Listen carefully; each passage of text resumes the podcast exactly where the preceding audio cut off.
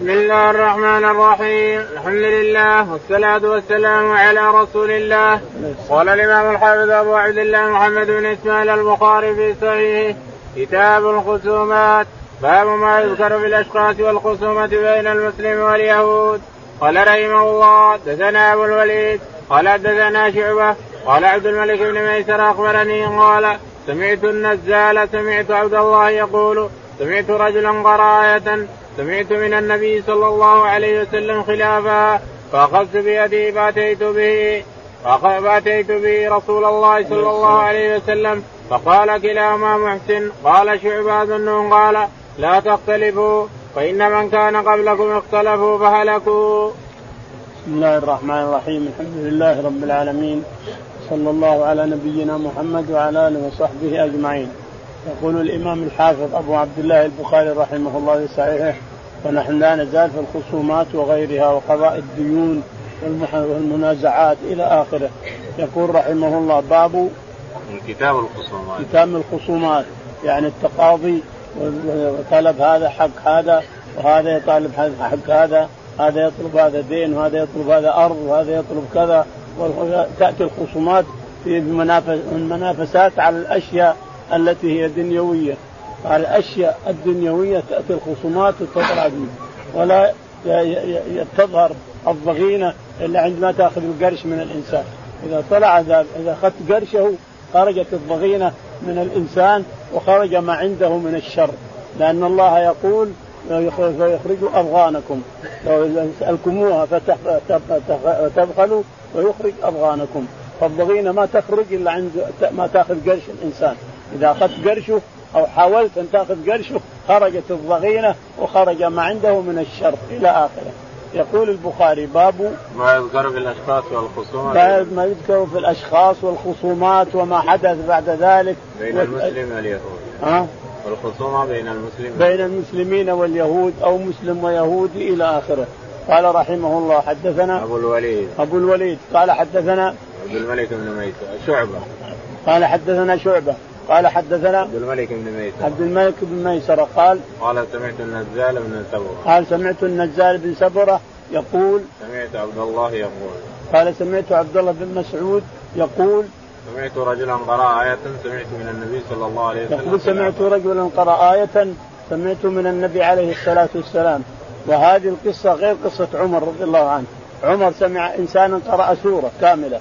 وأخذه بتلابيب وجره إلى الرسول عليه الصلاة والسلام فهذه قصة وهذه قصة. ابن مسعود سمع إنسان قرأ آية خلاف ما أقرأه الرسول فأخذه إلى الرسول عليه الصلاة والسلام وقال أرسله.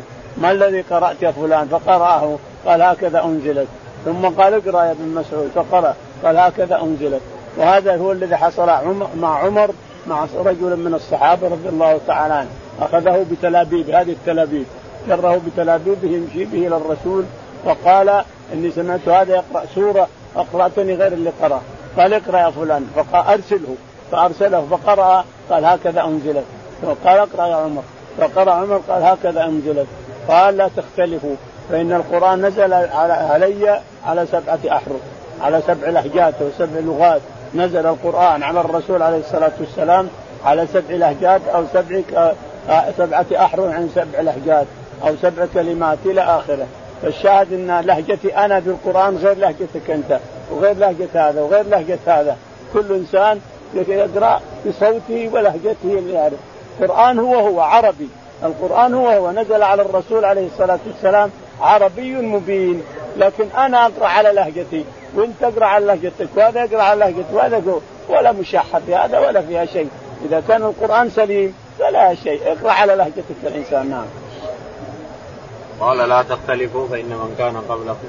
وقال عليه الصلاة والسلام لا تختلفوا لأن القرآن إذا اختلفتم فيها لكتم إذا اختلفنا في القرآن خلا أنا أنا أقول لا هذا القرآن هذا الكلام هذا كذا كذا. وأنت تقول لا كذا وهذا يقول كذا.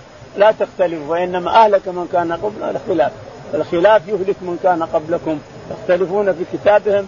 التوراة بني إسرائيل اختلفوا في التوراة واختلفوا في الإنجيل. حتى جاء إليهم التحريف والتبديل نعوذ بالله نعم. قال رحمه الله حدثنا يحيى بن غزاه قال أخبرنا إبراهيم بن سعد عن ابن شهاب عن أبي سلمة عبد الرحمن الأعرج عن أبي هريرة رضي الله عنه قال استب رجلان رجل من المسلمين ورجل من اليهود قال المسلم والذي اصطفى محمدا على العالمين فقال اليهودي والذي اصطفى موسى على العالمين فرفع المسلم يده عند ذلك فلطم وجه اليهودي فذهب اليهودي إلى النبي صلى الله عليه وسلم فأخبره بما كان من أمره وأمر المسلم فدعا النبي صلى الله عليه وسلم المسلم فسأله عن ذلك فأخبره فقال النبي صلى الله عليه وسلم لا تخيروني على موسى. فإن الناس يصعقون يوم القيامة فأصعق معهم فأكون أول من يفيد. فإذا موسى باطش جانب العرش فلا أدري أكان في من صعق فافاق قبلي أو كان مما استثنى الله. يقول البخاري رحمه الله باب تابع للباب تابع حدثنا يحيى بن قزعة. يحيى بن قزعة قال حدثنا إبراهيم بن سعد. إبراهيم بن سعد قال عن ابن شهاب. عن ابن شهاب الزهري قال عن أبي سلمة بن عبد عن أبي سلمة بن عبد الرحمن وعبد الرحمن الأعرج. وعبد الرحمن الأعرج قال حدثنا أبو هريرة. أبو هريرة رضي الله تعالى عنه أن رجلان استبا عند من الأنصار استبا كلهم واحد يهودي وواحد أنصاري واحد من اليهود وواحد من الأنصار. ولما استب وحمل الوطيس بينهما قام المسلم وقال والذي اصطفى محمد على العالمين. قال هذاك والذي اصطفى موسى على العالم. الله أنا أقول محمد أنت تقول موسى؟ وخذ يده ورفع يده ولطمه كف لطمه على خده فذهب اليهودي يشتكي إلى الرسول عليه الصلاة والسلام لينصفه. فدعا الرسول الأنصاري قال ما الذي حدث؟ قال حدث كذا وكذا وكذا. قال الرسول عليه الصلاة والسلام لا لا تفضلوني على الأنبياء. هو صفوة الخير لا شك أنه أفضل من موسى.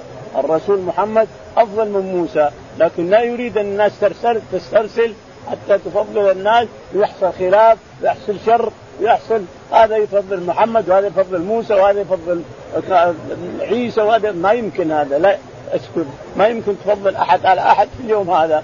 وإن كان الرسول أفضل من الأنبياء كافة وخاتم الرسل عليه الصلاة والسلام. لكن قد يحصل خلاف ويحصل شر. لو نقول هذا محمد خير الناس. فتقوم اليهود يقوم النصارى يقوم كذا. كل فضل النبي يصير خلاف يصير شر. فلا تفضلوا أحد على أحد في يومنا هذا. الشاهد أن الرسول قال لا تفضلوني على موسى فإنه يصعق. نموت تموت الخلائق كلهم تصعقون في الصعقه الأولى. الصيحة الأولى يصعقون ثم يصعقون الصيحة الثانية فيفوق الناس كلهم من قبور يخرجون من قبورهم. فيكون محمد عليه الصلاة والسلام أول من تشق عنه الأرض أول من يخرج من الأرض الرسول عليه الصلاة والسلام. يقول فاكون أول من اخرج من الأرض وأشوف موسى ماسك قائم من قضاء العرش. موسى ما ما ما طلع من التراب ما طلع من الأرض. وين راح؟ وين كيف حصل؟ يقول فأشوف موسى ماسك بقائمه من قوائم العرش. فلا أدري بعث قبلي وانشقت الأرض قبلي وخرج قبلي أم أنه جوز بالصعقه الأولى التي تجلى ربه لما قال أرني. يا رب أرني أنظر إليك. قال لن تراني ولكن انظر الجبل. فإن استقر الجبل مكانه فستراني. فلما تجلى ربه للجبل صعق موسى راح فهذه الصعقه هل جوزي بها ولا صعق مرة ثانية. وجوزت هذه الصعقه جائز هذا. يقول رأيته ماسكا بقائمة من قوائم العرش. هل هو انشقت الأرض؟ له قبلي. أو أنه جوزي بالصعقه الأولى ولم يصعق مع الناس، يعني لما يصعق الناس ويموتون يخرجون من قبورهم هو ما يصعق إلى آخره نعم. قال رحمه الله حدثنا موسى بن إسماعيل قال حدثنا وهيب قال حدثنا عمرو بن يحيى عن أبيه عن أبي سعيد الخدري رضي الله عنه قال بينما رسول الله صلى الله عليه وسلم جالس جاء يهودي فقال يا أبا القاسم ضرب وجهي رجل من اصحابك فقال من؟ قال رجل من الأنصار. قال ادعوه. فقال ضربته. قال سمعته بالسوق يحلف والذي اصطفى موسى على النبيين. قلت أي خبيث على محمد؟ فأخذتني غضبة ضربت وجهه. فقال النبي صلى الله عليه وسلم لا تخيروا بين الأنبياء. فان الناس يصعقون يوم القيامة فأكون أول من تنشق عنه الأرض. فإذا أنا بموسى آخذ بقائمة من قوائم العرش فلا أدري أكان في منصعك أو حوسب بسعقة الأولى. يقول البخاري رحمه الله مؤكدا ما سبق حدثنا موسى بن إسماعيل. موسى بن إسماعيل قال حدثنا وهيب بن خالد. وهيب بن خالد قال عن عمرو بن يحيى. عن عبد عن عمرو بن يحيى. عن عمرو بن يحيى. عن أبيه يحيى. عن أبيه يحيى قال عن أبي سعيد الخدري. عن أبي سعيد الخدري رضي الله تعالى عنه. نعم. لأن الحديث الأول. بينما رجل بينما رجلان يتصابان أو يتخاصمان أو شيء من هذا سمع واحد الآخر يقول له والذي اصطفى محمد على العالمين. فقال اليهودي والذي اصطفى موسى على العالمين. فغضب فغضب الأنصاري. لأن محمد عليه الصلاة والسلام أفضل الرسل بنص القرآن. أفضل الرسل وأفضل الأنبياء وخاتم الأنبياء بنص القرآن. فلماذا تفضله؟ فضربه على وجهه غيره فاشتكاه على الرسول عليه الصلاة والسلام. فلما أتاه دعا الأنصاري الفعل ما الذي حصل؟ قال كذا وكذا وكذا. قال الرسول عليه الصلاة والسلام لا تفضلوني على الأنبياء. فإني أكون أول من يصعق أول من يخرج من الأرض أول من يخرج من الأرض من الناس. انك تنشق الأرض عن الناس لكن أول من تنشق عنه الأرض الرسول عليه الصلاة والسلام. فأرى موسى قائم واقف وماسك قائمه من قوام العرش فلا أدري هل صعق مع الناس وبعث قبلي أم أنه جوزي في الصعقة الأولى؟ لما تجلى الجبل صعق. هل جوز بهذه الصعقه جائز هذا وجائز هذا. يعني لا تفضلوني. فإن كان صعق قبلي يمكن يصير أفضل مني. وإن كان جوزي في الصعقه الاولى فلا, فلا ندري. فالشاهد أن الرسول عليه الصلاة والسلام كف الناس عن تفاضل الأنبياء. لأنه قد يحدث شر. هذا يقول موسى وهذا يقول عيسى وهذا يقول محمد وهذا يحدث شر وقد يحدث قتال. يحدث شر وقد يحدث قتال. فكفر الرسول عليه الصلاة والسلام. الصحابة مرة واحدة. لا تفضلوني على الأنبياء ولا أحد يتكلم بأحد من الأنبياء اطلاقا لأنه يحدث شر. نعم. قال رحمه الله دثنا موسى قال دثنا همام قتادة عن أنس رضي الله عنه أن يهوديا رد رأس جارية بين حجرين قيل من فعل هذا بك؟ أفلان أفلان حتى سمي اليهودي؟ فأومأت براسها وأخذ اليهودي فاعترف فأمر به النبي صلى الله عليه وسلم فرد رأسه بين حجرين. يقول البخاري رحمه الله حدثنا موسى بن إسماعيل. موسى بن إسماعيل قال حدثنا همام همام قال حدثنا قتادة. قتادة قال عن أنس بن مالك. عن أنس بن مالك. أنس بن مالك رضي الله تعالى عنه أن يهوديا رأى أوضاح على جارية من جوار الأنصار أوضاح يعني فضة إسوار فضة وخاتم فضة وهذا فضة كله فضة جارية من جوار الأنصار. فقام اليهودي وجعل رأسها بين حجرين وفضق رأسها وأخذ اللي عليها من الاوضاح من الفضة. أخذ اللي عليها لكن اوتيت أوتي بها وهي فيها نفس. فلان قتلك؟ قالت لا.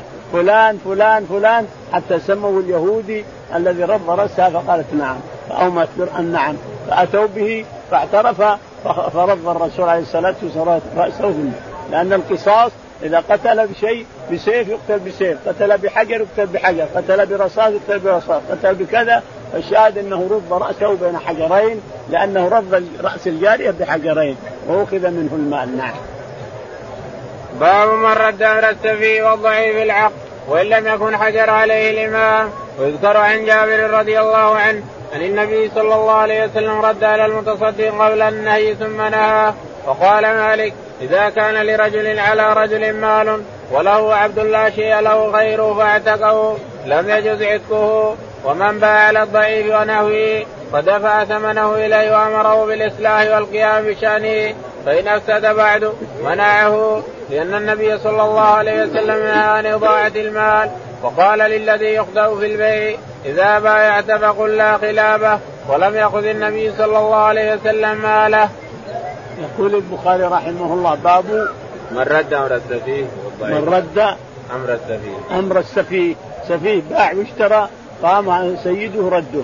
أما عاد عمه ولا جده ولا أبوه باع واشترى فرده لأنه سفيه ما يعرف يبيع ويشتري. فرد سن لأنه باطل بيعه باطل.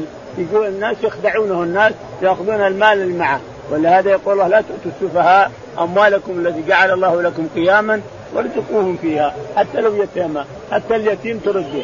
إذا كان له ولي واليتيم له ولي أو وصي من أبيه يرد بيعه وشراءه حتى يرشد فإذا بلغ رشيدا دفع اليه ماله. وإن بلغ سفيها ما ما يدفع عليه. يمسك المال عنده يربيه لليتيم حتى يموت. والسفيه. السفيه واليتيم سواء. والضعيف العقل. وضعيف العقل هو ضعيف العقل الذي ما يعرف يبيع ويشتري. وضيع السفيه يعني ما يعرف يبيع ويشتري. وإن لم يكن حجر عليه الامام ولو ما حجر عليه شرعا يعني. السفيه والمعتوه ولو ما حجر عليه شرعا من الحاكم فإنه محجور عليه شرعا من الله تعالى وتقدس فالشاهد أنه لا يبايع ولا يشار. نعم.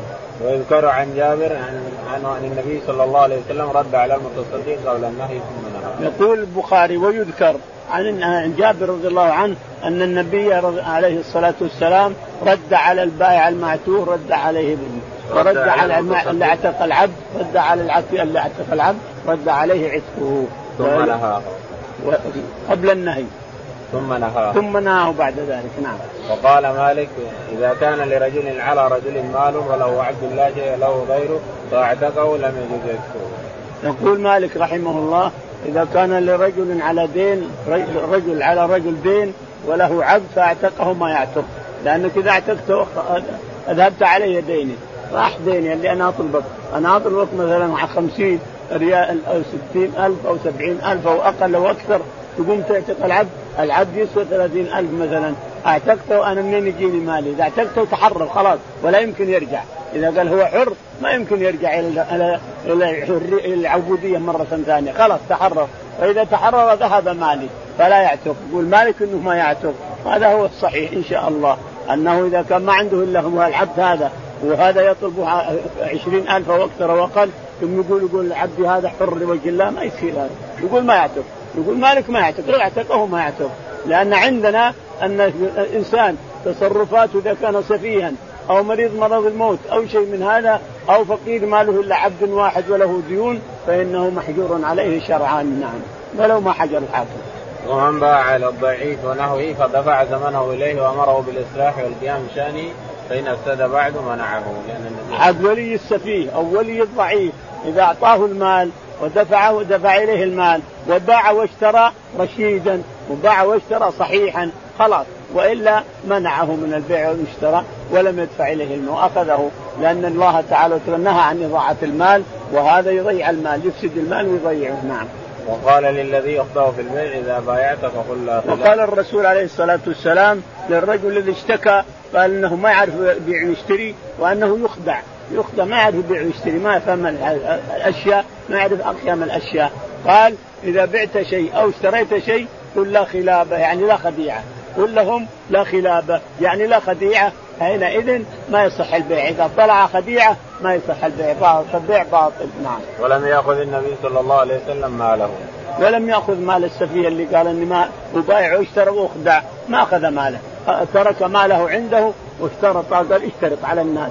اشترط على الناس الا خديعة. هذا شرط على المسلم إذا بايعته وشريته شرط عليه أنه لا يخدعك فإن خدعك فالبيع باطل. نعم. قال رحمه الله دثنا موسى بن إسماعيل قال دثنا عبد العزيز بن مسلم قال دثنا عبد الله بن دينار أنه قال سمعت ابن عمر رضي الله عنهما قال كان رجل يخضع في البيع فقال له النبي صلى الله عليه وسلم إذا بايعت فقل لا خلافة فكان يقوله يقول البخاري رحمه الله مؤكدا ما سبق حدثنا موسى بن إسماعيل. موسى بن إسماعيل التبذكي قال حدثنا عبد العزيز بن مسلم. عبد العزيز بن مسلم قال حدثنا عبد الله بن دينار. عبد الله بن دينار مولى ابن عمر عن ابن عمر رضي الله تعالى عنه قال كان رجل يخدع في البيع فقال له يقول ابن عمر كان رجل يخدع بالبيع فاشتكى إلى النبي عليه الصلاة والسلام فقال له الرسول عليه الصلاة والسلام اشترط عليهم. أنك إذا بعت وشريت اشترط عليهم الا خديعة. فإن خدعك فالبيع باطل. إذا اشترطت عليه الا خديعة يا فلان أنا أشتري هذا الكتاب منك لكن لا خديعة. إن طلع مزيف أو مصور أنا ذي كتاب مطبوع طبع. فإن طلع مصور أو فيه طمس أو فيه شبوك فالبيع باطل. لا خديعة. فإذا قلت له لا خديعة واشتريت منه صار خديعة بطل البيع كله. ترد حقه عليه وتأخذ فلوسك. نعم. قال رحمه الله دثنا عاصم بن علي قال دثنا ابن أبي ذئب عن محمد بن المنكدر عن جابر رضي الله عنه أن رجلا أعتق عبدا له ليس له مال غيره فرده النبي صلى الله عليه وسلم فابتاعه منه نعيم بن الحمام. يقول البخاري رحمه الله حدثنا عاصم بن علي عاصم قال حدثنا ابن أبي ذئب. ابن أبي ذئب. قال حدثنا محمد بن المنكدر. محمد بن المنكدر. قال عن جابر بن عبد عن جابر رضي الله تعالى عنه أن رجلا أعتق عبده. ما أدري لا أدري القصة هذه ثانية. رجلا أعتق عبده فرده الرسول عليه الصلاة والسلام. عندنا رجلا دبر العبد فرده الرسول عليه الصلاة والسلام.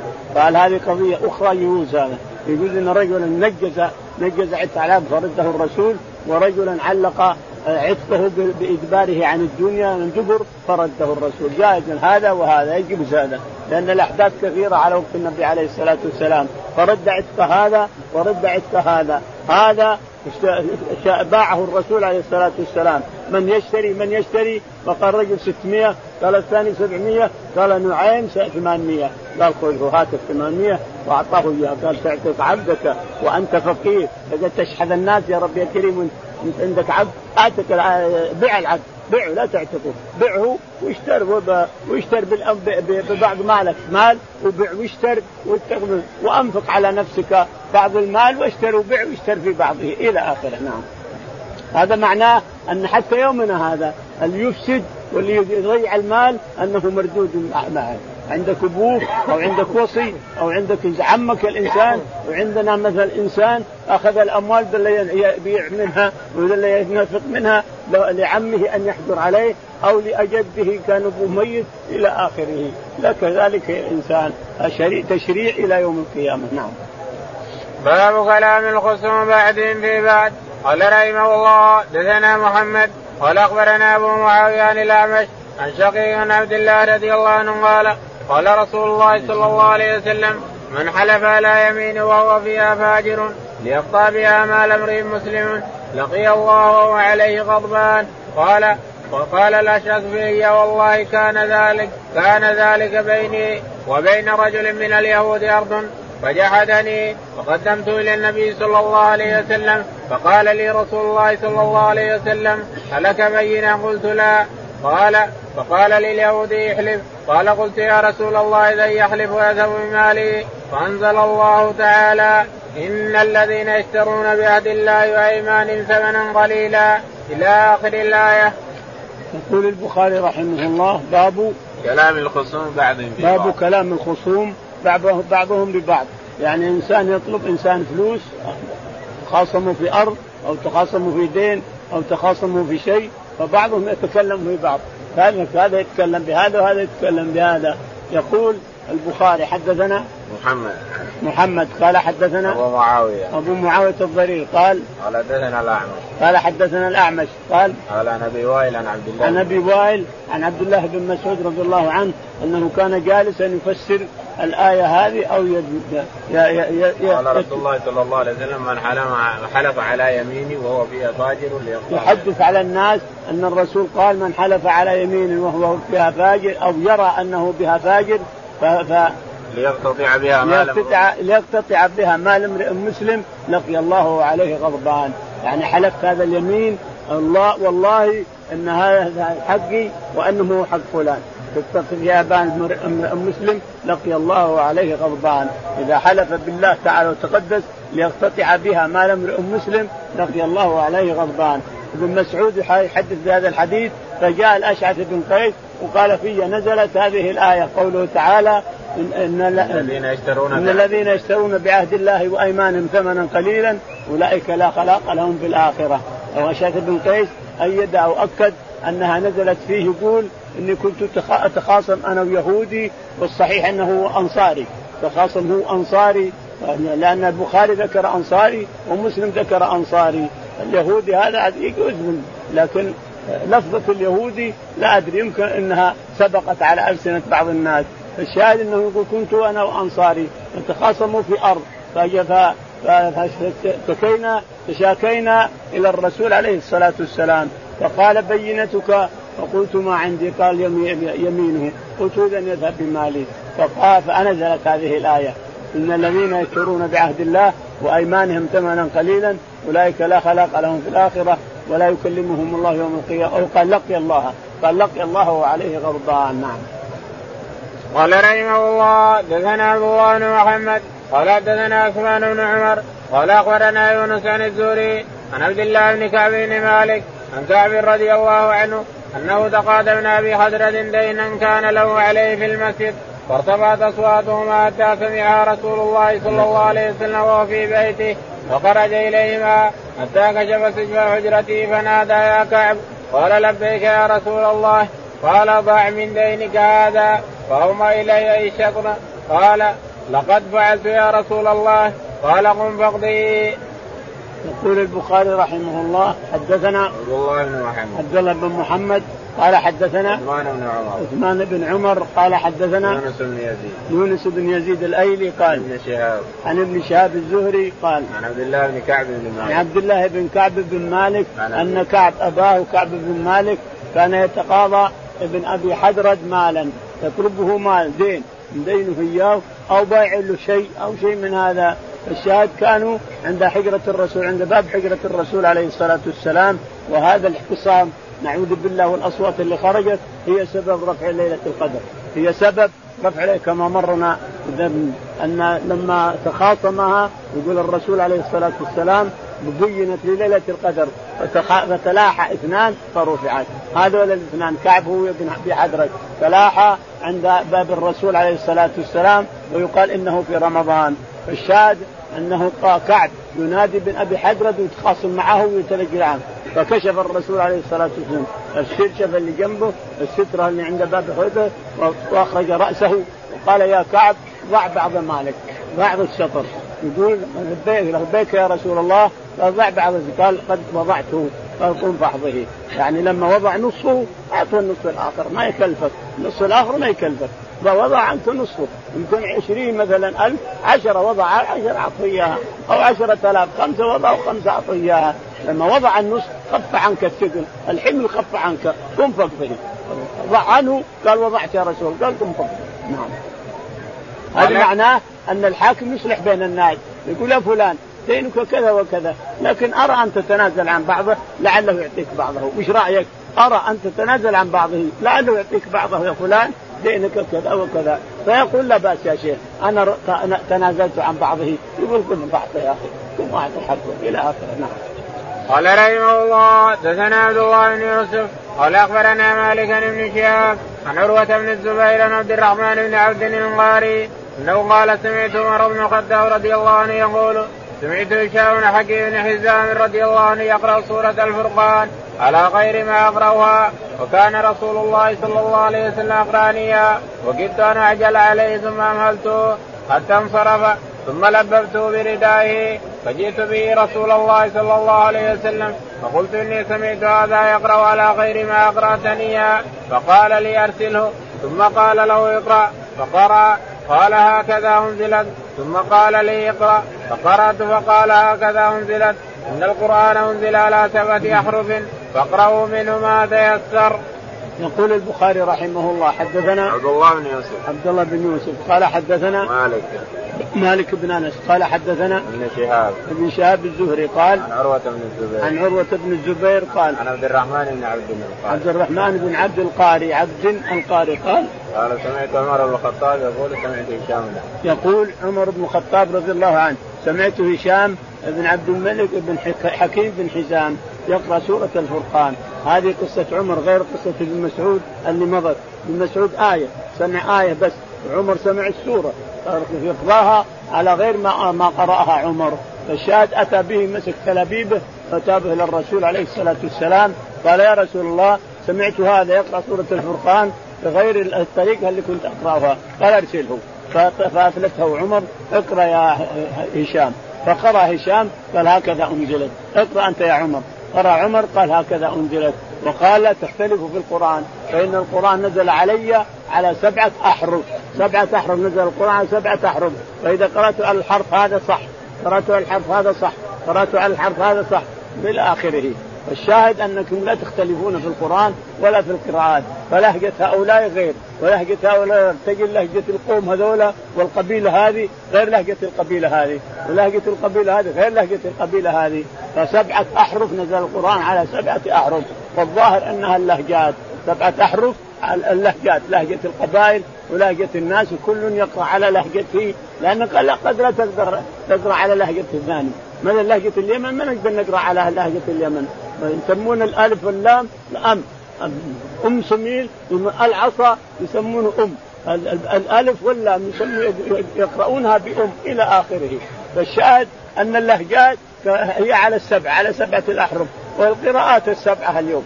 عندنا سبع قراءات كلها جائزة أما السبعة الأخرى فليست بجائزة ولا تصح الصلاة فيها. عندك سبع قراءات تصح الصلاة فيها وسبعة لا.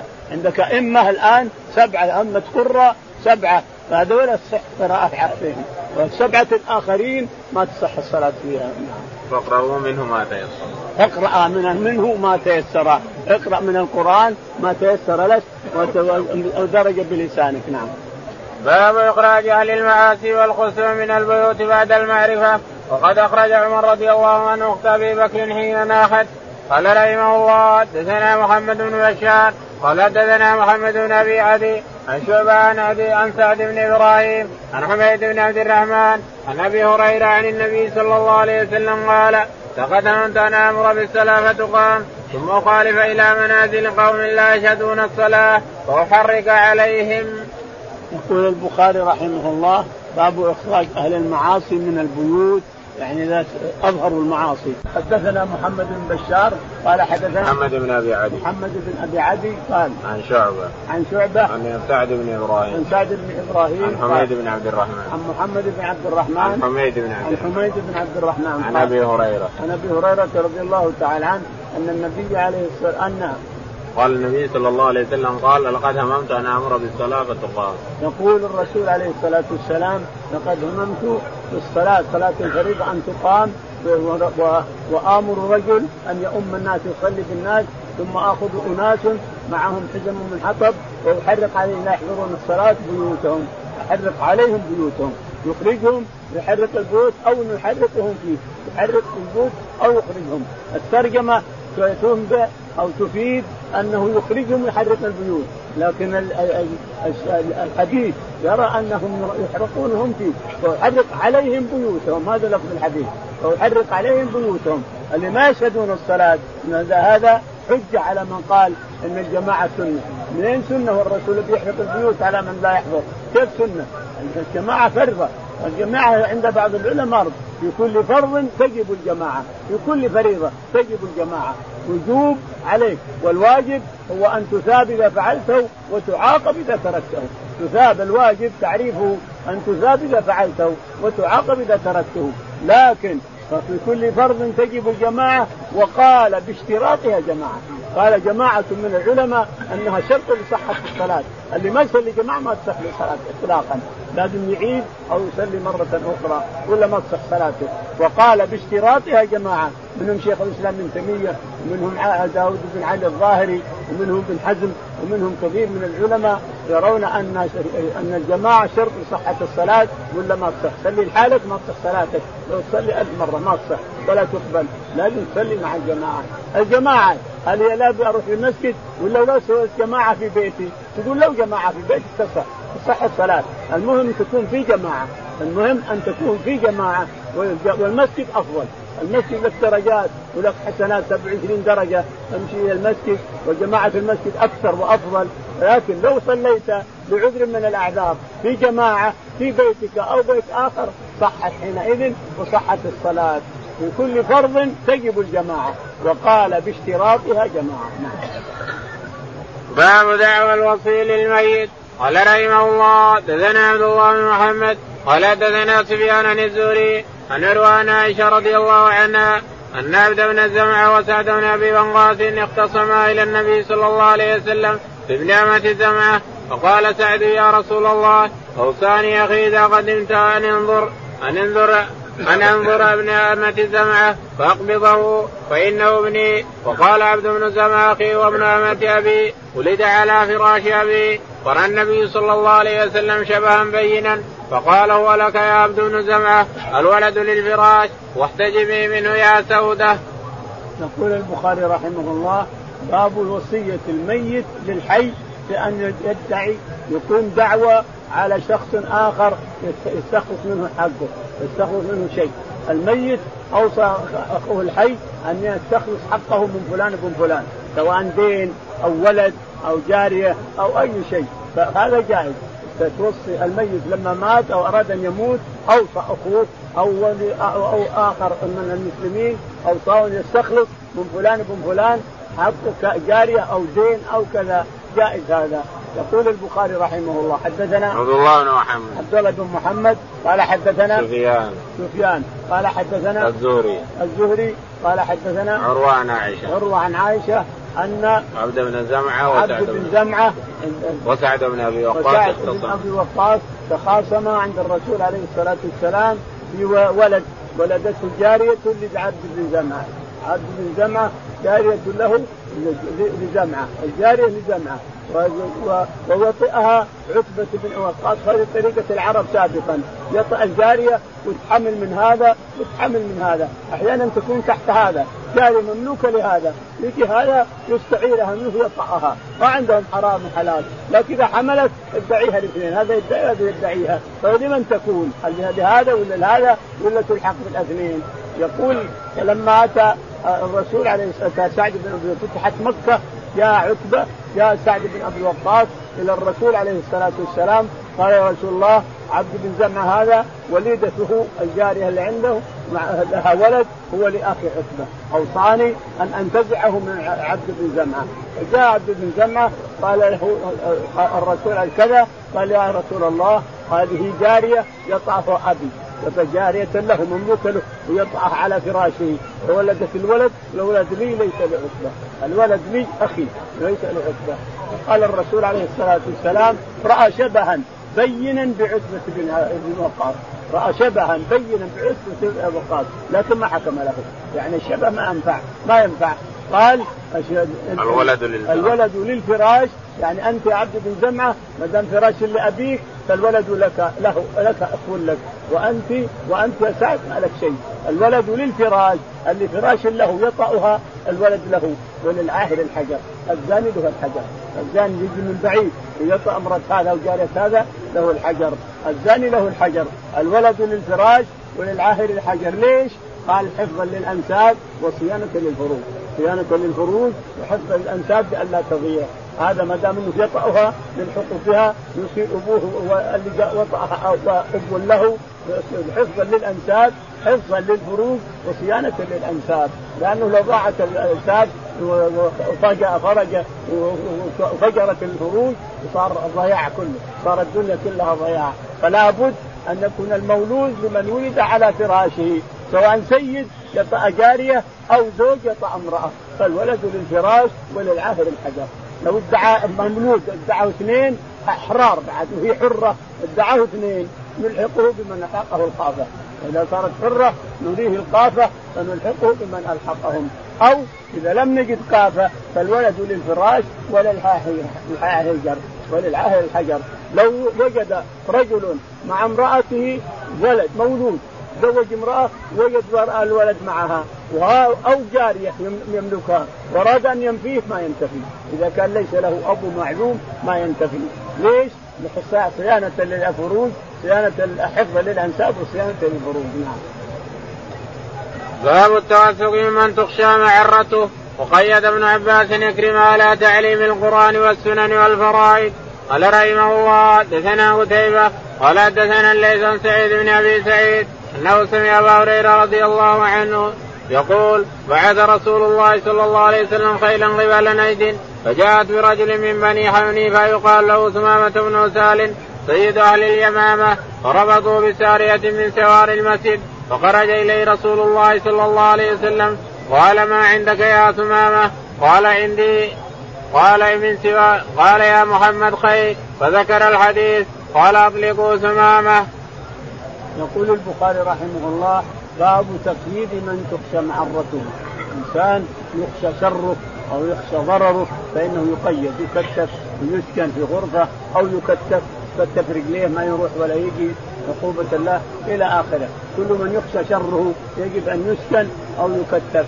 أما يسكن في غرفة وتقفل عليه ولا يكتف تكتف رجليه ما يقدر يمشي. لأنه يؤذي الناس. لو فلته الإنسان راح هنا وراح هنا صار يؤذي الناس. فإن فشره يكف حينما تكتفه أو تسكنه بغرفة. يقول البخاري وقيد ابن عباس رضي الله تعالى عنه كتف رجلي عكرمة مولاه عكرمة مولاه يريد أن يقرئ الناس القرآن والكتاب والسنة هو يرفض. يرفض بيروح يشتري يروح فكتفه وقال تعال تعلم الناس لازم تعلم الناس. وكذلك غيره. الشاهد نعم. قال حدثنا قتيبة. يقول حدثنا قتيبة قال حدثنا الليث. الليث بن سعد قال حدثنا سعيد بن أبي سعيد. سعيد بن أبي سعيد قال عن أبي هريرة. عن أبي هريرة رضي الله عنه قال بعث رسول الله صلى الله عليه وسلم خيلا قبل نجد يقول بعث رسول الله عليه الصلاة والسلام خيلا جاءت اليم الجنوب فجاءت بثمامة بن وثاء الحنفي رضي الله عنه جاء معتمر. كان ثمامة رئيس بني حنيفة بكاملها. ثمامة بن وثاء الحنفي. جاي معتمر يبي يعتمر ويرجع. فأخذته الخيل. خذوه الخيل وجاءوا به إلى الرسول عليه الصلاة والسلام فكتفه بالعمود، عمود من عمود مسجد النبي عليه الصلاة والسلام، صار الرسول عليه الصلاة والسلام يمر به يوم إلى يومين أو ثلاثة، يمر به ما تقول يا تمامة. يقول يا محمد انت تمن علي تمن على صاحب فضل. وإن تطلب دم وإن تكون دم فأنا صاحب دم. يعني قتلت من اصحابك كثير وإن تريد مال فأنا مستعد أعطيك مال. فدية أعطيك. تمن فأنت صاحب الكرم. فتقتل فأنا قتلت ناس من أصحابك. يعني كل الثلاث أنت ما تلام فيها. فتركه وذهب قيل ثلاث اوقات وقيل ثلاث أيام. في الثالثة قال اطلقوا ثمامة. أطلقوه وسأل عن عن الماء قال والحديث هذه ذهب واغتسل وجاء وأسلم. في شهادة عن الرسول عليه الصلاة والسلام وقال يا رسول الله أنا جاي معتمر وبطلع عمرك تقضي عمرتك جاي إلى هنا. انظر. جاي إلى هنا وقريش بشرتها وجن وهنا هنا أمة وهناك أمة هناك أمة من قريش. أوه هذا تماما جاءكم محرم يبي يطوف كيف يطوف؟ ما يصير. قالوا إيه، وراكم أبو حنيفة وراكم بني حنيفة. الله ذكرهم بالذات يقول تقاتلونهم أو يسلموا يقاتلونهم أو يسلموا. بني حنيفة بني حنيفة إذا لو يجوكم احتلوا مكة والله ما تقدرون تأذن بني حنيفة هالشر وهالبطل وهالسيوف وهالسيف الشاة تركوه وطاف وسعى وقصر ورجع إلى بلاده. قال والله ما تجيكم ولا حبة من اليمامة، كانت اليمامة تمون الأمم كلها ومن أهل الأرض، قال والله ما تجيكم ولا حبة. حتى يأذن بها الرسول عليه الصلاة والسلام، فلما رجع إلى بلاده قال وجمعهم كلهم وقرأ عليهم. حاميم بسم الله الرحمن الرحيم. حاميم تنزيل من الله العزيز العليم غافر الذنب وقابل التوب شديد العقاب بالقول لا إله إلا هو لا إله إلا هو إليه المصير فأين هذا من هذا مسيلمة؟ أين هذا يا جماعة؟ أين عقولكم؟ أين هذا من هذا يا مسيلمة؟ نقري يا ضفدع يا بنت ضفدعين نقري لا أي هذا الكلام هذا حتى الأطفال ما يعرفون أنه كلام تافه وكلام كذب فأسلم غالب أهل اليمامة أسلموا على يديه رضي الله عنه وأرضاه وسكى قريش إلى الرسول عليه الصلاة والسلام قال أنت قتلت الكبار بالسيف وصغرت بتقتلهم بالجوع ثمامه منع الحد. فكتب إلى ثمامه أطلق لهم الحد. اطلقهم التموين أعطهم التموين يقتالون نعم باب الربط والحبس في الحرم. واشترى نافع بن عبد الحارث دارا للسجن بمكة من صفوان بن أمية رضي الله عنه. على أن عمر رضي الله عنه إن رضي فالبيع بيعه وإن لم يرضى عمر ولصفوان 400 وسجن ابن الزبير بمكة قال رحمه الله دثنا عبد الله بن يوسف قال حدثنا الليث قال حدثني سعيد بن أبي سعيد أنه سمع أبا هريرة رضي الله عنه قال بعث النبي صلى الله عليه وسلم خيلا قبل نجد فجاءت برجل من بني حنيفة يقال له سمامه بن سهل وربطوا بسارية من سوار المسجد. يقول البخاري رحمه الله باب الربط والحبس في الحرم. باب باب الربط والحبس في الحرم سواء حرم مكة أو حرم المدينة، يعني لا يمسكوا إنسان يريدون أن لا يفر ولا يهرب يربطونه بعمود من عمود الحرم سواء حرم مكة أو حرم المدينة على أن الحرم لا يجوز أن يؤذى في أحد. الحرم حرم مكة. ما هو مثل حرم المدينة. حرم مكة ما يقعد يؤذى في أحد. لكن إذا سوى حاجة في الحرم عاقبناه بحاجتين منه. يقول صاحب المفردات رحمه الله من وجب الحد عليه فلجأ. من وجب الحد عليه حد أما قتل أو سرقة أو شيء من هذا من وجب الحد عليه فلجأ. للحرم الشريف نعم الملتجى لم يقم الحد عليه لكن يخرجوا يحرجوا بترك بيع وشراء كي يخرجوا. على السواء كل الحدود لا شطط ووافق النعمان في القتل فقط. النعمان بن أبي حنيفة وافق الإمام أحمد بالقتل يقول النعمان وأحمد وافقوا على أنه يقتل إذا قتل يقتل. ووافق النعمان في القتل فقط. لا, لا النعمان يقول لا يقتل والإمام أحمد يقول لا يقتل. من وجب الحد عليه فلجأ. للحرم الشريف نعم الملتجى لم يقم الحد عليه لكن يحرج بترك بيع وشراء كي يخرجوا على السواء كل الحدود لا شطط ووافق النعمان في القتل فقط أنه ما ما يحرج. ولا يقتل لكن يحرج عليه ويضيق عليه حتى يخرج ويقتل. لكن ومالك والشافعي تقام جميعها حيث انتفى الملام. مالك والشافعي يقول تقام الحدود كلها بالحرم وغير الحرم. إذا مسك بالحرم وعمل بالحرم تقام عليه بالحرم وغير الحرم. جميعها. جميع الحدود سواء قصاص أو سرقة أو زنا أو شيء هذا. كل الحدود التي أوجبها الله في كتابه تقام عليهم. هذا مالك والشافعي تقام جميعها حيث انتفى الملام. نعم. ولا واشترى نافع بن عبد الحارث دارا للسجن بمكة اشترى نافع بن عبد الحارث دارا يسكن فيها نعم. من صفوان بن أمية على أن عمر رضي فالبيع بيعه. يقول من صفوان بن أمية يريدها عمر دار سجن واشترط عليه. إن رضي عمر فالبيع صحيح. وما رضي فالبيع باطل. رضي عمر يبيها دار سجن. عمر يريدها دار سجن نعم من صفوان بن أمية اشتراها ولصفوان 400 دينار. لصفوان 400 دينار قيمتها وسجن ابن الزبير بمكة. وابن الزبير لما كان خليفة هنا ثمان سنوات وهو خليفة للمسلمين كان يسكن بمكة. ما على كل حال اللي يسوي ذنب بمكة يعطى جزاؤه بمكة. قال حدثنا عبد الله بن يوسف. قال حدثنا عبد الله بن يوسف قال حدثنا الليث بن سعد. الليث بن سعد. قال حدثنا سعيد بن أبي سعيد. بن سعيد نعم. عن أبي هريرة. عن أبي هريرة. قال بعث النبي صلى الله عليه وسلم خيلا قبل يعني قصة ثمان بن أثال. بعث النبي سرية فجاءت ثمان بن أثال ومضت قصته رضي الله عنه وأرضاه. ثمامة رضي الله عنه وأرضاه. قال الإمام الحافظ أبو عبد الله محمد بن إسماعيل البخاري في صحيح كتاب الخصومات باب في الملازمة قال رحمه الله دثنا يحيى بن بكير قال حدثنا الليث قال حدثني جعفر بن ربيعة وقال غيره حدثني الليث قال حدثني جعفر بن ربيعة عن عبد الرحمن بن هرمز عن عبد الله بن كعب بن مالك الأنصاري عن كعب بن مالك رضي الله عنه أنه كان له على عبد الله بن أبي حضرة الأسلمي دين فلقيه فلزمه فتكلما حتى ارتفعت أصواتهما فمر بهما النبي صلى الله عليه وسلم فقال يا كعب وأشار بيده كانه يقول النصف واخذ نصف ما عليه وترك نصفا. بسم الله الرحمن الرحيم الحمد لله رب العالمين وصلى الله على نبينا محمد وعلى آله وصحبه أجمعين. يقول الإمام الحافظ أبو عبد الله البخاري رحمه الله في صحيحه ونحن لا نزال في الخصومات والمنازعات والديون وقضاء الديون إلى آخره. يقول رحمه الله كتاب كتاب الخصومات باب في الملازمة. كتاب الخصومات باب في المدين لدينه لمدينه. باب في ملازمة المدين لمدينه. يعني إنسان يطلب هذا فلوس وملازم دين ما يقول ما تروح حتى تعطيني حقي. يلازمه في الشوارع وفي البيوت وفي كل مكان. وهذا لصاحب الحق مقال كما قال الرسول عليه الصلاة والسلام. يقول البخاري رحمه الله حدثنا يحيى بن بكير. يحيى بن بكير قال حدثنا الليث بن الليث بن سعد قال حدثنا جعفر قال وقال غيره حدثني الليث وقال, وقال غيره حدثني الليث قال حدثني جعفر قال عن عبد الرحمن بن هرمز. عبد الرحمن بن هرمز قال عن عبد الله بن كعب بن مالك. عن عبد الله بن كعب بن مالك أن كعب رضي الله عنه كان يطلب بالحدرج دينا فلازمه.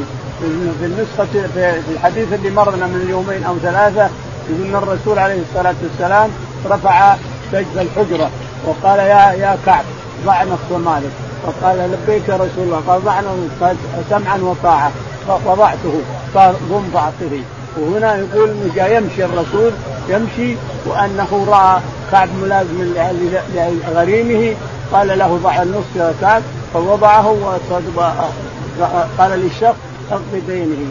يجوز هذا وهذا جائز هذا وهذا. ويمكن أن نجمع بينهما أن النبي عليه الصلاة والسلام كان في غرفته وطلع ثم أتى ورآه مرة والمسألة كلها مرة واحدة ما هي مرتين. المسألة كلها مسألة ملازمة كعب لغريمه بن حدرد مرة واحدة. لأن الرسول عليه الصلاة والسلام أخبر أن ليلة القدر نزعت في خصوم الاثنين هذولا وهي مرة ما هي مرتين مرة.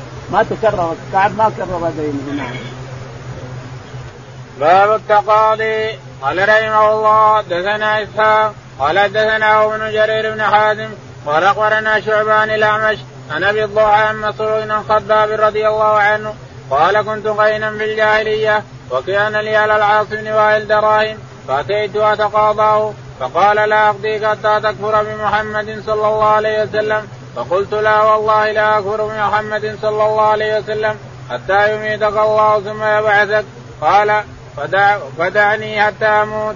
ثم أبعث فأوتي مالا وولدا. ثم أقضيك فنزلت. أفرأيت الذي كفر بآياتنا وقال لأوتين مالا وولدا؟ الآية. يقول البخاري رحمه الله حدثنا باب التقاضي. باب التقاضي. حدثنا إسحاق. إسحاق. قال حدثنا وهب بن جرير. وهب بن جرير عن أبيه جرير. لا عن شعبة. عن شعبة.